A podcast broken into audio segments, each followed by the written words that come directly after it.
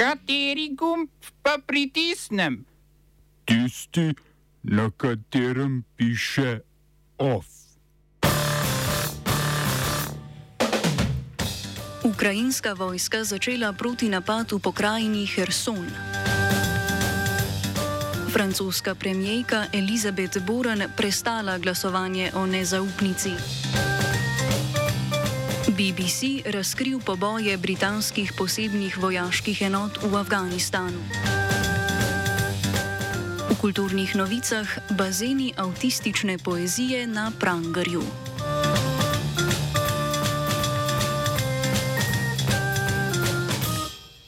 Ukrajinska vojska je sporočila, da je začela s protinapadom v pokrajini Herson na jugu države. Tamkajšnje prebivalstvo je pred napadom pozvala naj začne evakuacijo.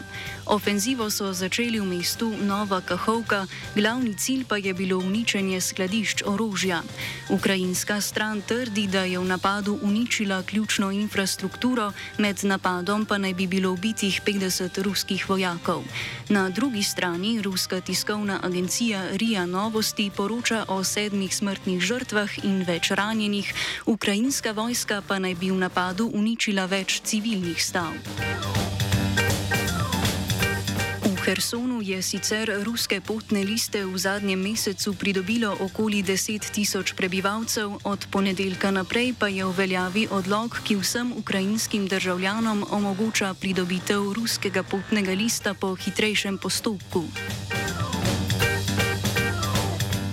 Finančni ministri Evropske unije so medtem odobrili novo posojilo Ukrajini v višini ene milijarde evrov. Sredstva bodo namenjena najnujnejšim finančnim potrebam te države. Unija je med marcem in majem Ukrajini že izplačala 1,2 milijarde evrov makrofinančne pomoči.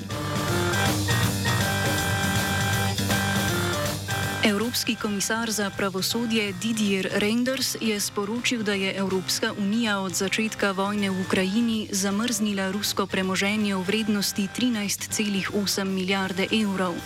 Za okoli 12 milijard evrov premoženja je zaseglo zgolj pet držav članic, ki jih komisar ni imenoval. Slovenija izvajanja sankcij proti ruskim oligarhom in vplivnežem praktično ne izvaja, saj se tako zunanje in infrastrukturno ministrstvo kot okrožna sodišča in uprava za pomorstvo otepajo svojih pristojnosti, so poročali na portalu Oštro. Delovna skupina za rusko elito, posrednike in oligarhe pod okriljem ameriškega finančnega ministrstva je prav tako sporočila, da so njene članice ZDA, Kanada, Združeno kraljestvo, Japonska in ostale države zaustavile pretok 300 milijard dolarjev v lasti Ruske centralne banke. Francoska premijejka Elizabeth Boren je prestala glasovanje o nezaupnici, ki jo je predlagala opozicijska stranka Nepokorna Francija Žona Luka Melanchona. Po treh urah razprave je nezaupnico podprlo 146 od 577 poslancev v francoskem parlamentu. Za izglasovanje nezaupnice bi bilo potrebnih 289 glasov. V opoziciji so se za predlog nezaupnice odločili, da se v parlamentu preštejejo in pokažejo, kako bo opozicija delovala v prihodnje. Na mesto premjerke je Elizabeth Boren imenoval francoski predsednik Emmanuel Macron maja letos, mesec pred parlamentarnimi volitvami. Na njih je stranka Emmanuela Macrona izgubila absolutno večino v parlamentu.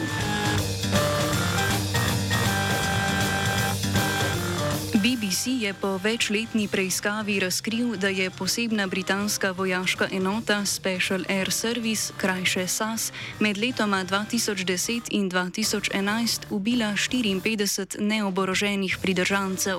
Poboji so se zgodili v pokrajini Helman.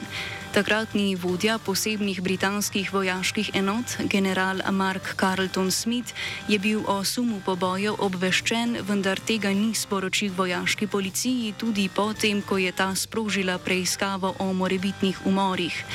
Posamezniki, ki so sodelovali s SAS v akcijah, so v poročilih, ki jih je pridobil BBC, poročali o umorih, ki so se večinoma zgodili v nočnih akcijah.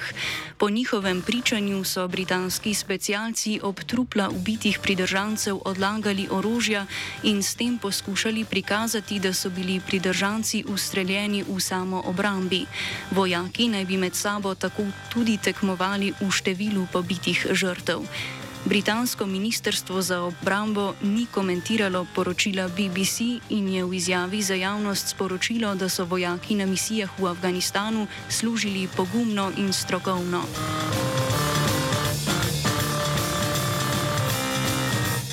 Oblasti v kitajski provinciji Henan so sporočile, da bodo po včerajšnjih protestih prebivalcev, ki imajo pri bankah odprte račune, začele z izplačevanjem zamrznjenih sredstev. Na včerajšnjem protestu so protestniki od bank zahtevali izplačilo svojih prihrankov. Regulativni urad za bančništvo in zavarovanje v Henanu je včeraj v izjavi za javnost sporočil, da bodo sredstva izplačali v obrokih pod nadzorom kitajske centralne banke. Banke bodo z obročnim plačevanjem začele v petek v višini do 8000 evrov. Štiri banke v provinciji Henan naj bi zmrznile sredstva v višini 3,9 milijarde juanov oziroma okrog 580 milijonov evrov. Po trditvah policije v Henanu naj bi bile za krizo odgovorne kriminalne združbe, ki so okoli leta 2011 prevzele nadzor nad bankami. Združbe naj bi izvajale nezakonite prenose prek fiktivnih posojil, uporabljale svoje lastniške deleže in manipulirale z vodstvi bank. Banke so sredstva zamrznile, da bi preprečile dodatne zlorabe.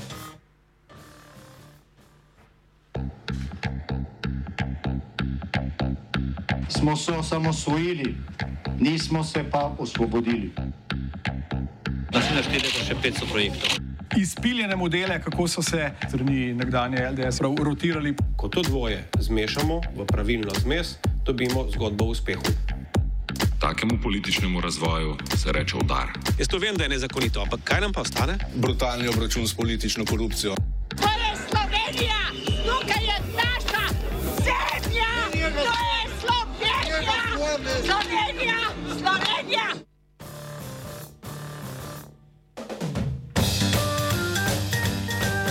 Notranje ministrstvo je izdalo odločbo o pripojitvi strank liste Marjana Šarca in stranke Alinke Bratušek k stranki Gibanje Svoboda.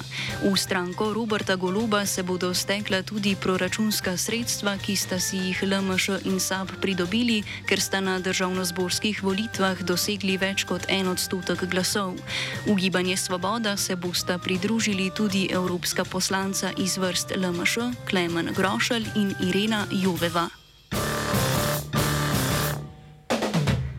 Predsedniška kandidatka Gibanja Svoboda Marta Kos je objavila podatke o svojem premoženskem stanju. V bankah ima 84 tisoč evrov in 161 tisoč švicarskih frankov prihrankov.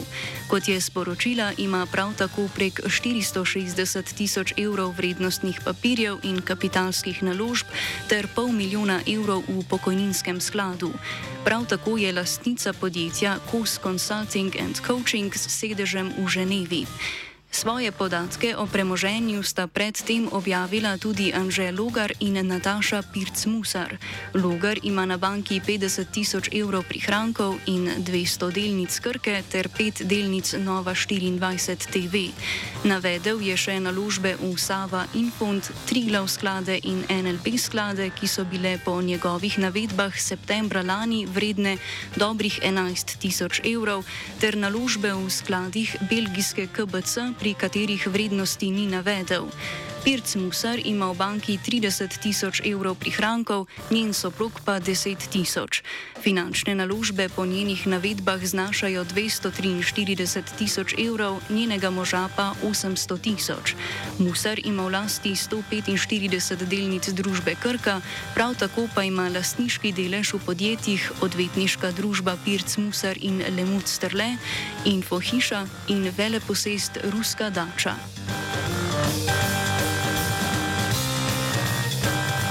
Mestna občina Kran je pozvala vsa gospodinstva na območju reke Kukre naj odpadne vode iz greznic in gnojnih jam ne izlivajo v reko. Analiza vode iz reke Kukre, ki jo je izvedel Nacionalni laboratorij za zdravje, okolje in hrano, je pokazala, da se v vodi ponovno pojavlja fekalno onesnaženje. Kakovost vode je sicer skladna z normativami uredbe o upravljanju kakovosti kopalnih voda, ob daljši suši in visokih temperaturah pa lahko tudi manjše onesnaženje povzroči okoljska tveganja, voda pa postane neprimerna za kopanje. OF je pripravil Premrov.